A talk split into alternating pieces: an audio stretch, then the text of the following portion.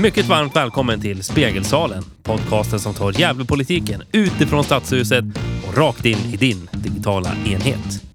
I det här avsnittet har vi fyra eminenta gäster som ska avhandla ett eminent ämne, nämligen fritidsgårdarna. I Gävle kommun finns ett tiotal fritidsgårdar i skrivande stund och samtliga drivs av föreningar som i sin tur finansieras genom bidrag från kommunen. Men är fritidsgårdar ett effektivt sätt att fånga upp ungdomar? Och kanske särskilt ungdomar på glid? Eller fungerar de mer som samlingsplats mellan dess upptåg ute på byn? Ska vi ha fritidsgårdar? Hur ska de drivas och hur ska de finansieras? Om detta och mycket mer hör du i det här avsnittet av Spegelsalen. Nu kör vi! Först vill jag bara flika in och säga att under inspelningens gång så började Jan Muleus mikrofon att krångla. Så därför försvinner han bakom brus och knaster mot slutet av samtalet. Och vid ungefär 34 minuter in i samtalet så tyckte Marita Johanssons man att det passade alldeles utmärkt att börja köra med trimmen precis utanför fönstret där hon satt. Därav den lite knepiga övergången från den ena meningen till den andra. Men jag hoppas detta inte ska störa allt för mycket och vill samtidigt passa på att önska mig själv bättre lycka nästa gång. Nu kör vi! Välkomna till Spegelsalen alla tre. Vi skulle vara fyra men Kristoffer Bastholm från Socialdemokraterna lämnade återbud i sista sekund. Så med mig har jag Mattias Eriksson Falk från Sverigedemokraterna och Jan Meleus från Kristdemokraterna och Marita Johansson från Vänsterpartiet. Vi ska ju prata om fritidsgårdarna idag. Och jag tänker att vi gör en, en laget runt. Så vi börjar med Mattias Eriksson Falk. Så här, den enkla frågan, ska vi ha fritidsgårdar? Ja, absolut ska vi ha fritidsgårdar. Jag tror att det är en bra möjlighet eh, i alla våra stadsdelar och kommunområden att faktiskt ge ungdomar en möjlighet att hitta aktiviteter om man inte till exempel intresserar sig för sport och liknande. Så jag tror att det behöver finnas, absolut. Mm. Då svarar du lite på frågan varför vi ska ha det också. Mm. Ja, då går vi över till Jan Meleus. Då. Ska vi ha fritidsgårdar? Eh, ja. Så enkelt var det med det. Varför ska vi ha fritidsgårdar? Jo, men det är som Mattias säger, vi behöver alternativ till de som inte tycker om sport eller annan verksamhet som vi, som vi har runt omkring oss. Och, eh, nej, men eh, de uppfyller en bra funktion och där har, kan, har vi en bra kontakt dit mot ungdomarna. Mm. Vad säger Marita om samma fråga? Ska vi ha fritidsgårdar? Ja, Ja, självklart ska vi ha fritidsgårdar. Det är otroligt viktigt att vi, att vi har fritidsgårdar både liksom i de inre stadsdelarna och ute i eh, bygderna. För det är ju ett sätt för ungdomar att träffas. Och ett viktigt eh, ställe för kommunen att visa att man finns. Jag kan utveckla mer sen, men det var väl mm. bara en enkel svar vi skulle ha nu. Ja, men eh, du kan fortsätta med nästa fråga som är så här. Hur ska de finansieras mm. och, och drivas? Idag drivs de ju som av föreningar, men på stöd från kommunen. Och det har de väl gjort mm. i alla tider egentligen. Det finns väl, så vitt jag vet så är det bara Brynjan som, som var kommunalt driven fram till 2004 tror jag. Ja, precis, för då la de ner Humlan och Ugglan och då tog ju Unga Örnar Bomhus över Brynjan 2004. Så då var det föreningsdrift där. Men är det en driftsform som du tycker ska fortsätta eller ska man revidera det på något sätt? Nej, alltså, vi som parti har ju drivit och även la i budget till i år, eh, 2021 års budget, att vi ska kommunalisera och då först då, eh, utgick vi från att det vi skulle tänka oss var tre fritidsgårdar. Eh, sen de andra sju får ju fortsätta då, tills eh, man funderar över det och, och drivas då i den, på de avtal som finns. Men varför vi vill kommunalisera det är ju det att där, där man anställer personal från kommunen så har ju liksom både personalen en, en trygghet, gården har liksom en eh, kontinuitet. Man vet att man vet att man kan drivas nästa år. Man, får, man, man, man har liksom en grund, man har grundbemanning och man har liksom en trygghet som både är för, för kidsen och för personalen.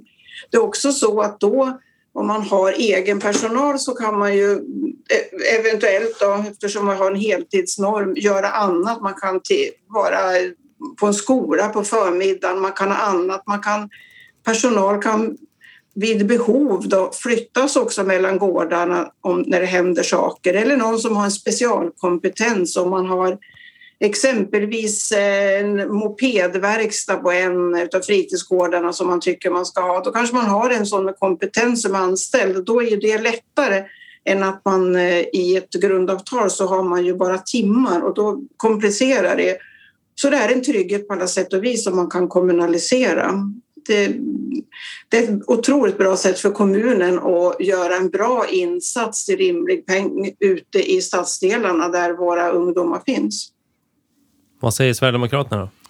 Ja, men jag tror att eh, dagens modell fungerar bra ändå. För tittar man på de här fritidsgårdarna vi har så ser vi ofta så mycket av den trygghet som finns. Det är att eh, barn och ungdomar som är där känner igen de personer som arbetar. Det kan vara ledare i olika föreningar, det kan vara ledare från på något sätt inom skolan såklart, men som jobbar extra på fritidsgårdarna. För det blir på något sätt en fritidssyssla för dem också, där de har chans att komma närmare ungdomarna och vara med och ge dem eh, bra förutsättningar och ha bra aktiviteter helt enkelt. Så jag tror att eh, vi kan ha den modell vi har idag, där föreningar till exempel driver eh, fritidsgårdarna så länge det sker på ett korrekt och riktigt sätt naturligtvis. Men där, och där, där kommunen har uppsikt för att de kommunala skattemedel som vi faktiskt ger ut också kommer till den nytta där de ska göra. Mm. Vad säger KD då? Nej, jag är ju inte alls på den linjen som eh, Vänsterpartiet är här, att vi ska kommunalisera. För jag tycker det fungerar ganska bra och jag tycker att Gävle är ett bevis på det, att vi har en trygghet. Nästan för tryggt. Vi har alldeles, eh, vi har haft fritidsgårdar, samma fritidsgårdar, väldigt, väldigt länge. Eh, det är ingen omsättning på de föreningar som eh, som driver fritidsgårdar. Och det kan ju också vara ett eh, bekymmer. Något som de pekar på i den översyn av fritidsgårdar som vi hade 2017, 16, 16 17. Ja. Ja. Just att det inte är någon omsättning på fritidsgårdar i en större utsträckning. Eh, för det finns många föreningar som kvalificerar in sig där, men det är samma föreningar som driver de gör det inte dåligt och de känner ingen otrygghet heller, så då kan de fortsätta driva. Så det Gävle är ett bevis på att det är inte otryggt för varken de som driver eller för ungdomarna med de fritidsgårdar som är skickliga och duktiga idag. Mm. Mattias, vill du säga något? Ja, men när man tänker också på fritidsgårdarna, det som eh, jag tror tyvärr tycker är synd, är att vi lätt hamnar just i en jävla diskussion igen och då hamnar vi i en jävla stad-diskussion där vi ser fritidsgårdar som drivs här. Mm. Men att man glömmer bort de områden som faktiskt ligger utanför centrala Gävle. Till exempel den diskussion som har varit om Hedesunda där man eh, hade problem med att hitta lokal. Kommunen egentligen inte är villiga att lösa det som fritidsgårdarna har stängt ute i Hedesunda. Och det visar just på den här problematiken när man glömmer de barn och ungdomar som inte bor just i centrala Gävle. Och vi kan i det här fallet inte förvänta oss att de ska sätta sig och åka in till Gävle för att vara en fritidsgård några timmar på kvällen. För då hinner de bara dit så ska de åka hem igen. Så det är ett perspektiv vi måste ha med oss också i det här. Ja, men eh, i den här eh, utvärderingen som gjordes var 2016, Public Partner som, som gjorde den. Och där kom de fram till, eller kom fram, det kom, det kom fram att det är ett problem att rekrytera eh, ska man säga, ja, utbildad personal, fritids eh, fritidsledare, fritids, eller fritidspedagoger har man inte, men fritidsledare. Därför att ja, men det är inte så attraktivt då, om du har gått en utbildning och ska du få jobba fyra timmar i veckan. Nej, det tar man inte. Så det är svårt att hitta bra eh, och kunnig personal. Nu säger inte jag att de som jobbar idag inte är bra och kunniga, men man får en lite annan grund om man har gått en utbildning och sådär. Eh, kan inte då kommunalisering vara en bra idé för att man kan få upp eh, liksom attraktiviteten på. Mm, det kan det ju mycket väl vara. Får, får, jag, får, får jag säga någonting? Ja, du får säga någonting. Jag vet inte vad jag räcker upp en hand eller någonting. Jag hittar inte det här just nu. Nej, nej men det är ju så här och, och det som då Mattias tog upp då om Forsbacka när man saknar personal då. Det, det, kan ju bli, det, det, är ju tufft att hitta personal då på de här timmarna i och med att man om man inte har någonting att göra någonting att göra låter konstigt, men jag menar om man inte har någon sysselsättning då på dagtid till exempel, eftersom fritidsgården är öppen efter klockan 17. Och det skulle man, det, där skulle ju liksom om man hade anställd personal så skulle ju det kunna vara en eh, underlätta för även för fritidsgårdarna ute i eh, våra kommundelar. Det finns ju också fritidsgårdar som naturligtvis har fritidsklubben på sig vid vävaren i Strömsbro exempelvis, de har ju fritidsklubb eh, från eh, ett till fem och sen har man fritidsgård och, och, då blir det ju då går det ju lättare att få en, en, personal som jobbar under längre tid för att även de som jobbar på fritidsgård, hur intresserade de än är, måste kunna försörja sig. Och jag tror inte det är dålig kompetens idag. Det, det tror inte jag heller. Liksom. Och, utan, men den kan ju alltid bli bättre om man får ändå utbildad personal som kan vara med på Eh, utbildningar som kommunen ordnar och, och, och sådana saker så att man håller sig ajour hela tiden vad som händer och vad som är på gång. Eh, och det är också liksom tryggt. Det som är tryggt, vad jag menar för personalen, det är ju liksom om det uppstår saker som inte fungerar så är man anställd så är man ju trygg då. Det är man ju inte om man bara kanske ja, har ett uppdrag på en kortare tid och som man säger som det är en del på en del fritidsgårdar. Sen tycker jag också att vi har bra, de fritidsgårdar vi har är, är bra. Jag har inget ont att säga om dem för att eh, jag vet ju också att fältarna jobbar när, nära fritidsgårdar Eh, och så. Men sen naturligtvis kan det ju vara olika kvalitet. Det kan det vara även om man är kommunalt anställd, ska jag säga. Det, så att det, inte, det är inte så att jag inte tror det. Men eh, jag tror i alla fall att det skulle vara bra att ha en av kommunen, att man, man visar att man finns ute i stadsdelarna och det tror jag kan vara bra då att man har kommunala fritidsgårdar. Jan Moléus? Jo, och, men hela den här debatten bygger ju på att vi vet vad vi vill med eh, fritidsgårdarna och det är ju en av, eh, en av nackdelarna för Gävle kommun. Vi vet ju inte riktigt vad vi vill med fritidsgården. Vi har inga klara direktiv, vi har inte jättebra insyn. Vi har bra dialoger med dem, men eh, vi har kanske inte de krav på fritidsgårdarna och de visioner och mål som skulle behövas. Vi kan inte mäta deras verksamhet på rätt sätt heller, tycker vi eh, någonting som den här eh, utredningen säger. Och, men det gäller ju att vi tar till oss det vi har. Vi kristdemokrater satsade när vi styrde i kultur och fritid. Då, eh, då såg vi till att, att höja kompetensen just på, på fritidsgårdspersonalen eftersom det saknades. Men ja, det, jag anser fortfarande att eh, vi får ut så mycket mer av dels samhället i stort om eh, föreningar kan vara med och bidra än att kommunen kör allt i sin regi. Mm. Man behöver ju inte stänga, man behöver inte stänga ute en, eh, en, en förening. Jag menar, föreningsliv är otroligt viktigt och föreningslivet behövs ju överallt och människor som jobbar ideellt och på olika sätt. Det, det är en helt annan sak. Men sen är det ju så att kommunen måste ju då, i och med att man går in med skattemedel idag, så måste man ju naturligtvis säga det här vill vi ha ut av fritidsgården. Och det gör man nu, utgår jag ifrån. Det var det jag tro, tänkte att Kristoffer kunde mer om. Eh, och sen får man väl titta. Jag vet ju att eh, alla fritidsgårdar har ju varit in till kultur och fritid där man, eh, där man lämnar sin verksamhetsberättelse och berättar om liksom vad man har gjort. För att den verksamhetsberättelsen måste gå hand i hand med, med de mål som är satt till, till kommunen med trygghetsarbete, med med jämställdhet, med hållbarhet och, och, och det som kommunen liksom är ålagd och skyldig. Så att, även om det är en, en kyrka eller en organisation så måste man ju gå efter det arbete som är satt från kommunen. Så att, eh, jag tror inte ungarna idag far illa. Så, det, det är inte det, det jag säger, men jag tror det skulle kunna bli bättre och tydligare. Ja, Ehm, jag håller med Janne där mycket om hur man eh, kan eh, nyttja faktiskt de erfarenheter kanske som finns inom eh, de som driver idag. Men sen vet jag också att de olika fritidsgårdarna samarbetar ju till viss del med andra organisationer som jag vet att i Bomhus har man ju samarbetat med till exempel Svenska kyrkans diakoniverksamhet som har funnits där och stöttat upp med personal och kunskap. Så att eh, det finns ju det här samarbetet idag just för att få en bredd i verksamheten naturligtvis. Men jag vill ändå komma tillbaka till det perspektiv jag lyfte där också att när kommunen tenderar att hamna i den här diskussionen, då tenderar man just att glömma de här som jag pratade om som är hedersunda. Då, då, då, uppstår det massa problem och det är svårt att driva och då slutar det med att det blir helt enkelt, det, det försvinner därifrån. Man stänger ner verksamheten och det är där problemet ligger. Sen finns det många bra verksamheter i Gävle, så är det. Jag, jag ska faktiskt säga det att jag tycker att eh, Rapatak som finns här bedriver en väldigt bra verksamhet.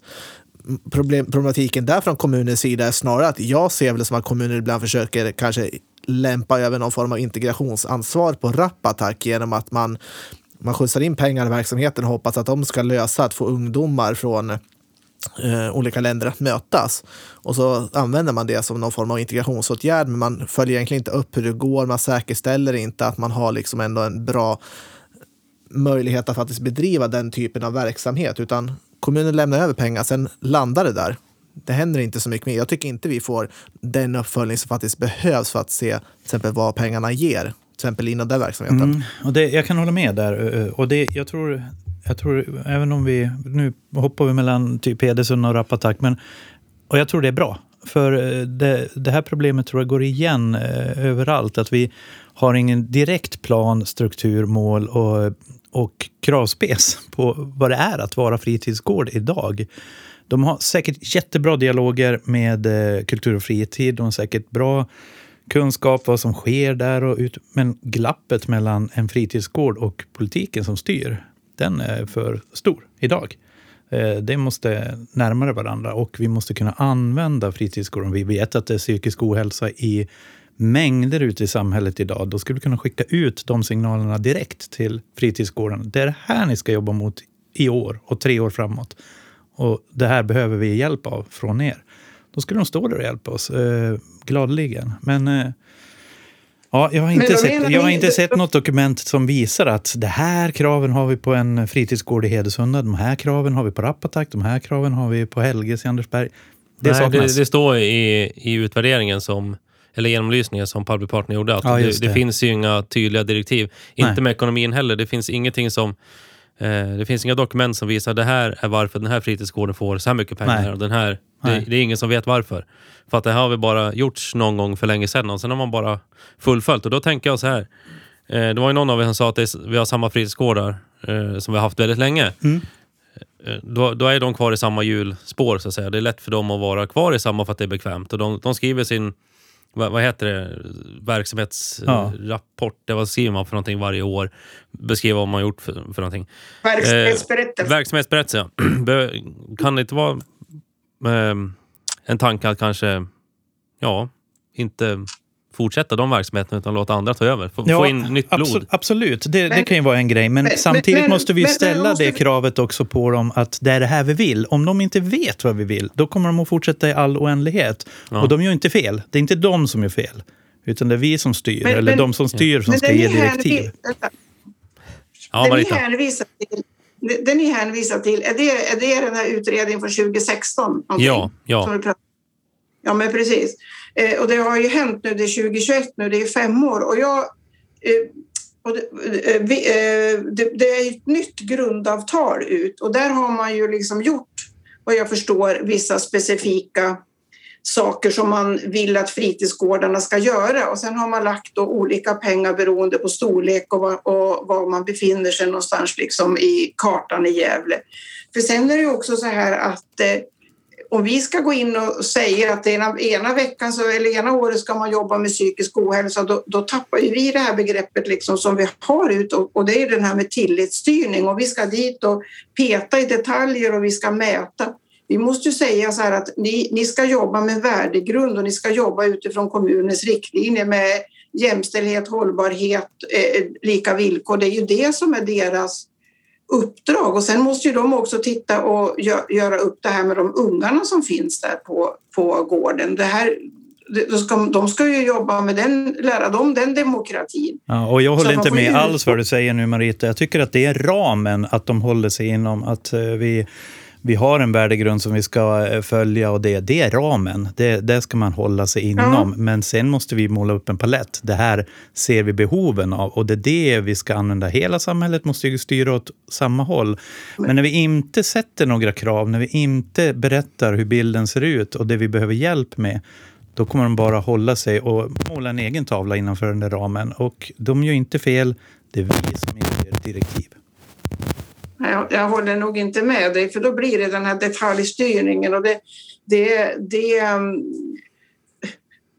det blir liksom aldrig, aldrig bra för att de barnen som går på fritidsgårdarna är ju inte, det är ju inte alla barn. De här styrningarna kan man ju ha till en skola eller så där man har alla barn samlade, men det har man ju inte här. Så att jag vet inte egentligen vad vi skulle vinna på, på det. Det blir... Ja, jag, jag, tycker det känns lite frånvarande av tillit att, göra på det viset. Däremot tycker jag man ska ha riktlinjer som är för att jag menar att jobba med trygghetsarbete eller psykisk ohälsa då i, i Hedesunda kanske inte ser ut på samma sätt som det gör exempelvis på Andersberg beroende på att eh, det är barn bor på olika sätt och olika nära skola. Jag menar, det kan vara mer relevant kanske i Hedesunda om jag nu bara tar till en, någonting som eh, jag inte tänkt på, men där kanske man jobbar liksom mer med EPA-traktorer med den biten och så diskuterar man ohälsa och, och sånt utifrån ett annat perspektiv. Jag menar, det ser ju olika ut i våra stadsdelar. Därför måste ju fritidsgårdarna också ha ett paraply men sen kunna jobba på olika sätt utifrån de ungar som går dit. Ja, men det, och det, jag håller med ja. dig. Vi ska inte ner i detalj och styra hur de arbetar. Men vi måste beställ, beställa vad de ska arbeta med. Vi kan inte bara ge dem pengar och säga åt dem att håll er inom Gävle kommuns värdegrund så blir det bra. Det är inte min... Det, det, så tycker jag inte skattepengar ska förvaltas och förädlas. Men vi är olika men, där kanske. Ja, precis. Antingen litar man på personalen eller inte och jag gör det då, även om de inte är Ja, jag litar också på dem, att de kan göra det, det mm. som behövs. Hur hårt ska, de, eh, hur hårt ska kommunen styra gårdarna, tycker du Mattias? Nej, men det, är, det är en väldigt speciell fråga just när det gäller beroende på vad de egentligen ska ha för uppdrag. Det handlar ju kanske just om att beroende på vad Gävle kommun då efterfrågar så kommer det naturligtvis också ha en påverkan ute i de olika områdena. Men nu ser vi ju att Gävle kommun har inte tagit egentligen den strukturen. Då ser vi den här problematiken som vi har nämnt att det uppstår brist i Forsbacka, man har ingen i Hedesunda längre utan fokuset hamnar. Det är en fritidsgård ska pengar, den säger det här vill vi göra och kommunen, ja men det låter bra, så lämnar man ifrån sig skattemedel. Och så följer man inte upp det. Då. Man har för det första ingen tydlig kravbild vad man egentligen vill.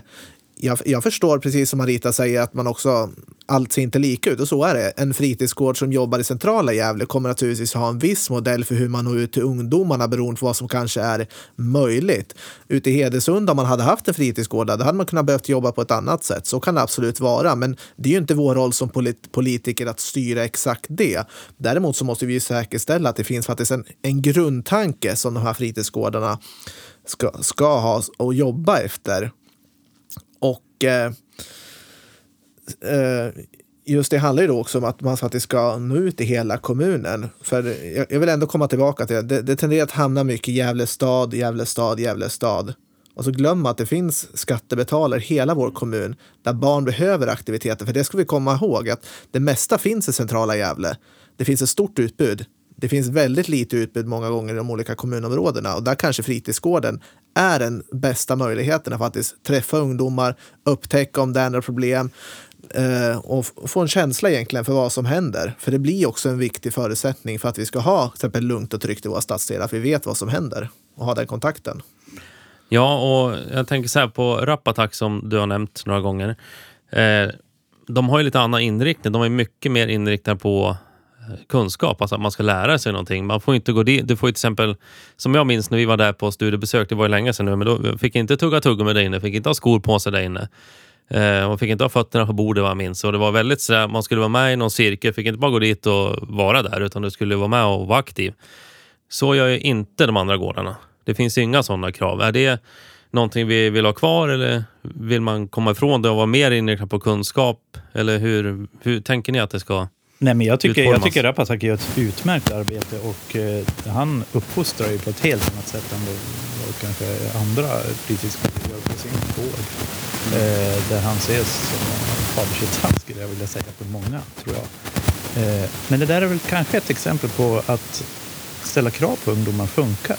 De vill det. De vill växa upp. De vill komma in i, i arbetslivet och och de vill känna på de här kraven undan för undan. De vill inte få en mängd krav på sig direkt. Så eh, ja, nog är vi för kravlösa ibland i samhället i stort. Och det speglar väl också verksamheten ute på fritidsgårdarna. Men jag vet att samtidigt som vi säger Rapattack så vet jag att Lasse Hall har gjort ett underbart arbete i Andersberg. Och eh, där det kanske inte är att han jagar ungdomarna med papperskorg och kräver att han jobbar på ett annat sätt.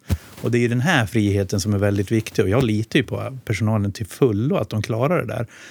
Men de skulle också kunna klara att hjälpa oss med de behov vi har. Och det, det tror jag de längtar efter att få. Det är det jag menar, att vi måste in och visa. Den här tavlan behöver vi måla i Gävle. Ni ska inte bara hålla det inom ramen, för den kan de, den vet de, den sitter i deras ryggmärg. Men får de inte upp vad vi vill, vad vi, vad vi kräver i respons från dem för att de får pengar, då gör de ju på eh, det sätt som de alltid har gjort och det funkar, det är bra, men vi får inte ut någonting eh, konkret i de problem som vi behöver bemästra. Så är det en annan fråga också, det är pengarna. Eller ja, vill du säga någonting först? Jo, men jag tänker så här att det, eh, eh, när, vi, när vi pratar om då med, med rappattack och inte ha fötterna på bordet och vad är, vad är, då måste man fundera vad är kunskap och vad är fostran liksom? Det är två skilda saker för jag menar en lägerverksamhet är ju också en typ av både kunskap och fostran där du liksom gör upp din eld och du övernattar kanske för första gången liksom utan dina föräldrar. Eh, som jag vet att någon fritidsgård har, man, man åker iväg. Alltså all, alla saker är ju liksom fostran och kunskap fast på olika nivåer. Så, och, så jag har, jag har ingen åsikt, jag vet inte hur man gör på, det i, i Rapattack. Jag har väl varit där men det var länge sedan. Men eh, tillbaks till det här liksom med, med mätning. Alltså jag, jag, tror, jag tror att personal utvecklas. Jag tror inte att det liksom, även om man har samma förening så tror jag det är samma människor som jobbar år ut och år in och gör precis lika som man gjorde för fem år sedan. För alla människor utvecklas ju på sitt arbete. Även om inte vi säger åt dem att göra så, så gör de ju det med automatik eftersom ungarna de möter förändras. Deras situation ser annorlunda ut. Jag menar, eh, en fritidsgård hade väl inte så mycket aning om Facebook och vad man kan kalla varandra där för ett antal år sedan, men det lär ju de lära sig idag eftersom ungarna kan det. Och ungarna använder det och det skapar då problem. Att man kanske skriver taskiga saker på, på nätet och då sätter de ju sig in i det. Liksom den utgångspunkten lär vi ju ha. Det, det förstår de, tänker jag. Så att de gör ju inte samma sak de har gjort. Sen kanske vissa saker är grundläggande som man fortsätter att jobba med. Och, men jag tror ändå att de utvecklas allihop. Alla våra fritidsgårdar. Att de följer vi- med i tiden menar du? Ja, men det lär de ju göra. Annars kommer ju inte ungarna dit. Det finns väl ingen unge om det, det finns väl ingen unge som går till en fritidsgård som gör vad man gjorde för 15 år sedan. Vad ska de dit och göra? Liksom, jag menar, sak, alltså, fritidsgården måste ju också för- förändras efter barnens önskemål och önsk behov och vad, för att de vill ju ha barn som kommer dit. Annars har de ju, vad ska de annars göra? Jan Meleus? Nej, absolut. Visst, eh, visst förändras och visst hänger de ledarna på fritidsgårdarna med och utvecklas och följer den tidens tand. Eh, Det är ju självklart. Det, det, det gör man av självbevarelsedrift och av kärlek till ungdomarna om inte annat. Eh, och, och det litar jag till fullo eh, på att man gör ute. Men, eh, men återigen så eh, en annan del i det här, det kanske är det bara fritidsgårdar vi ska ha. Kan man ha någon fritidsgård light av något slag? Eh, ska alla ha samma koncept? Behöver alla kon- samma koncept? Är Sätra så stort som de skulle ha två grejer? Eh, vilken ålder ska vi ha det här för? Eh, det kanske vi också måste tänka över. att sänka åldrarna på vissa, i vissa delar och kanske vara lite mer töjbar uppåt åt andra håll. Eh, vi är ju helt plötsligt blivit brådmogna i Sverige, och ska vara, men ändå kan vi inte ta ansvar för vårt liv. Så spannet för att vara ung i Sverige har ju blivit bredare. Man blir vuxen jättetidigt, men man är fortfarande inte mogen att ta hand om och ansvar. Utan det blir man senare. Så där har vi kanske inte heller hakat på. Det här är ju samma reform som 60-talet känns det som i vissa frågor. Så ja, Ja, Public Partner tar upp det också. Att eh, man skulle kunna titta på två olika lösningar. Någonting är lite mer ja, som en fritidsgården nu och sen någonting som är lite mer av en träffpunkt. ja just det blir ju för vuxna då. Lite som träffpunkt för pensionärer fast ja, Ja. du förstår. Ja. Ja. sådär lite mer mogen variant. Eh, Mattias? Ja men absolut, jag håller med eh, Janne här att eh, vi behöver titta på det där åldersspannet för det är ju så att eh, barn i yngre åldrar behöver naturligtvis få vara med andra barn i yngre åldrar och inte vara kanske bland de äldre åldersgrupperna. För den här diskussionen finns ju även inom skolvärlden nu till exempel med den här nya högstadieskolan skolan uppe vid Polhem där man diskuterar hur det kommer påverka att yngre är med äldre. Men eh, sen tror jag det, det viktiga med fritidsgårdarna det är mycket, många gånger just de personerna som vistas här naturligtvis utifrån att det är personer som oftast brinner för att jobba med ungdomar som finns i föreningslivet från början och just vill nå ut och vill vara den, på något sätt den här ja, men, trygga, trygga personen som de kan ty sig till och finnas där länge. Det ska vi, det ska vi inte glömma för den diskussionen finns ju till exempel för mitt eh, eh, från mitt eget parti också där vi har en medlem som eh, blev sparkad upp i Ockelbo bara för att titta på hur man jobbar med ungdomar. Och det där, det där får man inte... Jag vill ändå trycka på det att det är oerhört viktigt med de enskilda personerna som är där. Man får, jag tror inte man kan komma till en fritidsgård och bara se det som en vanlig anställning om vi säger så, utan man, man har en vik, otroligt viktig roll. För jag tror att de här ungdomarna, de, de kommer ju inte sluta, om de känner en trygghet i dig som person, de kommer ju inte sluta, så att säga, tänka på det bara för att de är där, utan för de kommer ju komma ihåg den här personen och komma, den här lyssnade på mig, den här fanns mig när jag behövde prata. Och det där, man har en viktig roll på fritidsgårdar helt enkelt. Ja, mm. det är väldigt sant. Eh, och det är intressant det du, det du tar upp, för det är för mig också tankarna, vi pratar ju mycket nu eh, de fritidsgårdar som vi ser, eh, men det finns ju några fritidsgårdar också som arbetar i det tysta. Och det är till exempel Betlehemskyrkan som har haft ja, väldigt många ungdomar på fredagar och lördagar Eh, som arbetar helt i det tysta. Ett föreningsarbete som bara pågår, som inte får något stöd från kommunen eller något sånt. Och där eh, har vi eldsjälar som har lagt ner många, många, många år i det. det är samma sak gäller ju andra församlingar och kyrkor runt omkring. Och de finns ute eh, i ja, ytterområdena också.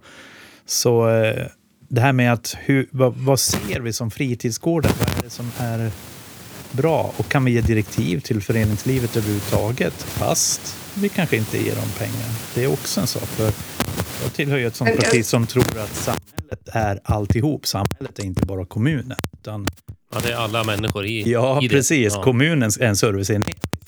Mm. Men... Den tanken blir det ju annorlunda. Ja, Marita? Nej, men jag tänker så här, alltså, eldsjälar behövs i allting. Det behövs i, i idrottsföreningar, det behövs i de som ska ordna fiskevatten. Alltså eldsjälar behövs överallt. Men när man talar om människor som jobbar, ska jobba på fritidsgårdar så räcker det inte om att de är eldsjälar utan vi måste ju också ha liksom en, en, eh, en trygg anställning som de kan leva på även om de älskar sina ungar och alltihop.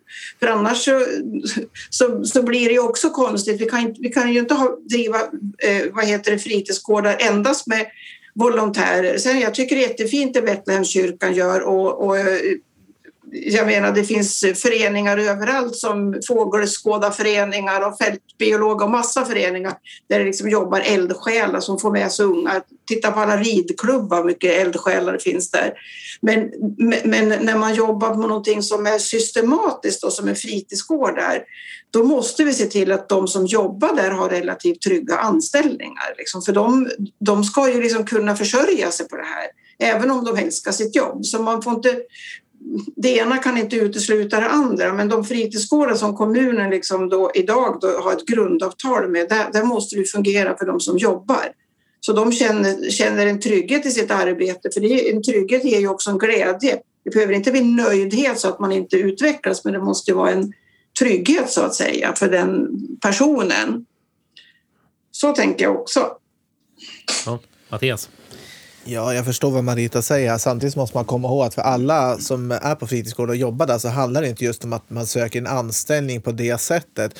Jag, tänk, jag kan lyfta det här som i Ockelbo, den här personen som fick lämna den ABF-drivna verksamheten.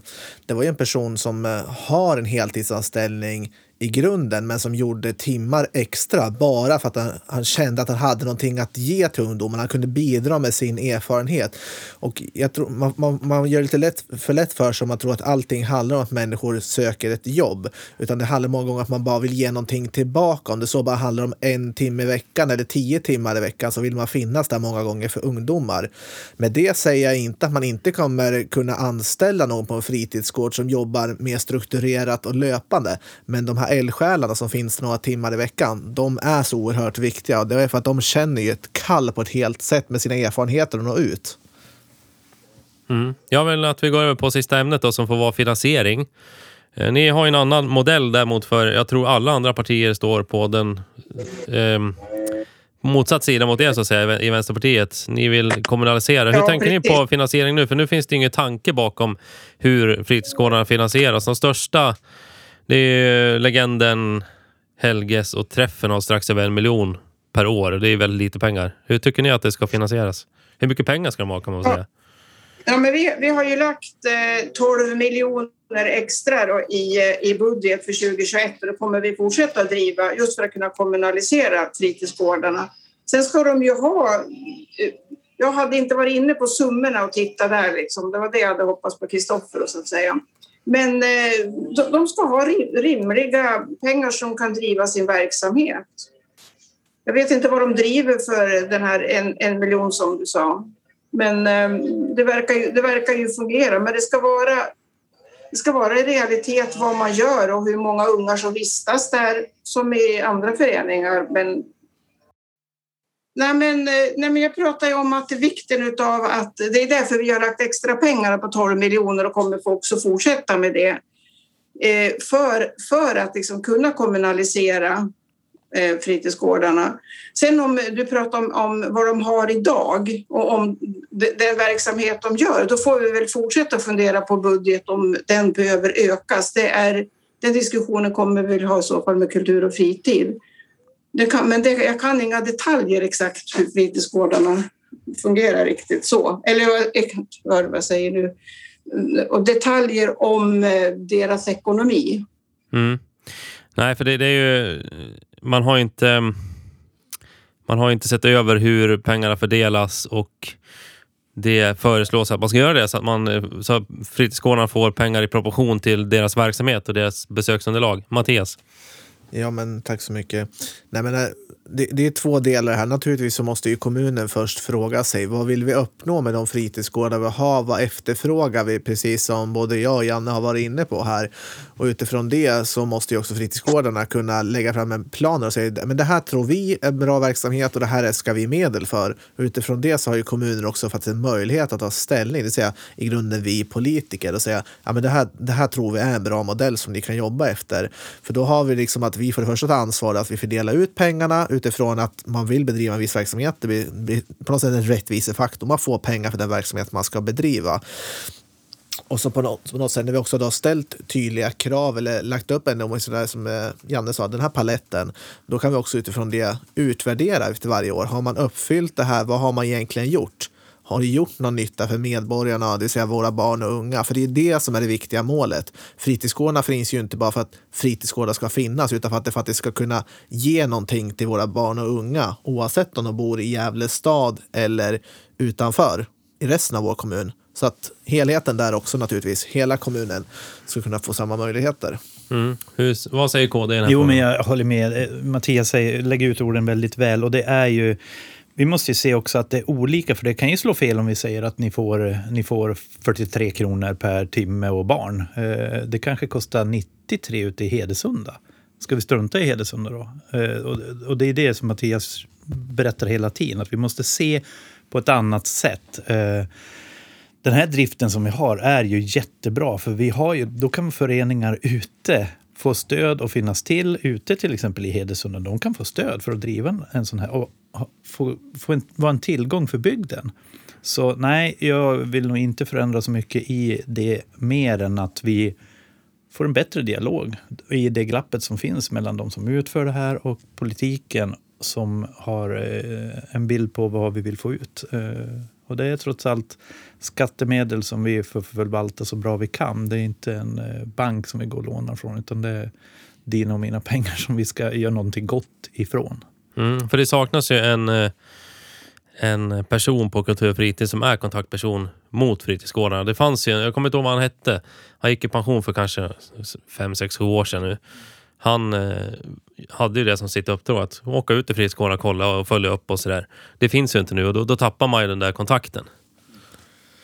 Jo, men absolut är det så. Sen är det ju så spretigt utifrån kommunen att man inte har ett helhetsansvar. Där kan vi prata om som att eh, det är en kommunal enhet som faktiskt äger fastigheten och ansvarar för uthyrning och liknande. Och så är en annan del av kommunen som ska ge det här verksamhetsstöd för att man ska kunna bedriva. Och så är de inte de här två delarna överens. Då hamnar den här föreningen eller fritidsgården i kläm. Som vi tar exempel igen, Hedesunda gjorde. Och det är inte okej att det är så. Och det ligger ju framförallt på det socialdemokratiskt ledda styret att lösa den här knuten. Men det har man ju inte gjort under de senaste tre åren i alla fall. Och det var ju synd att de inte var här idag och kunde svara egentligen på den frågan. Ja, det, så är det. Mm. Men, men, om jag får säga någon, någonting. Alltså det, det, jag också vill framhäva va, det är ju att jag vill också ha ut det mesta och det bästa av fritidsgårdarna.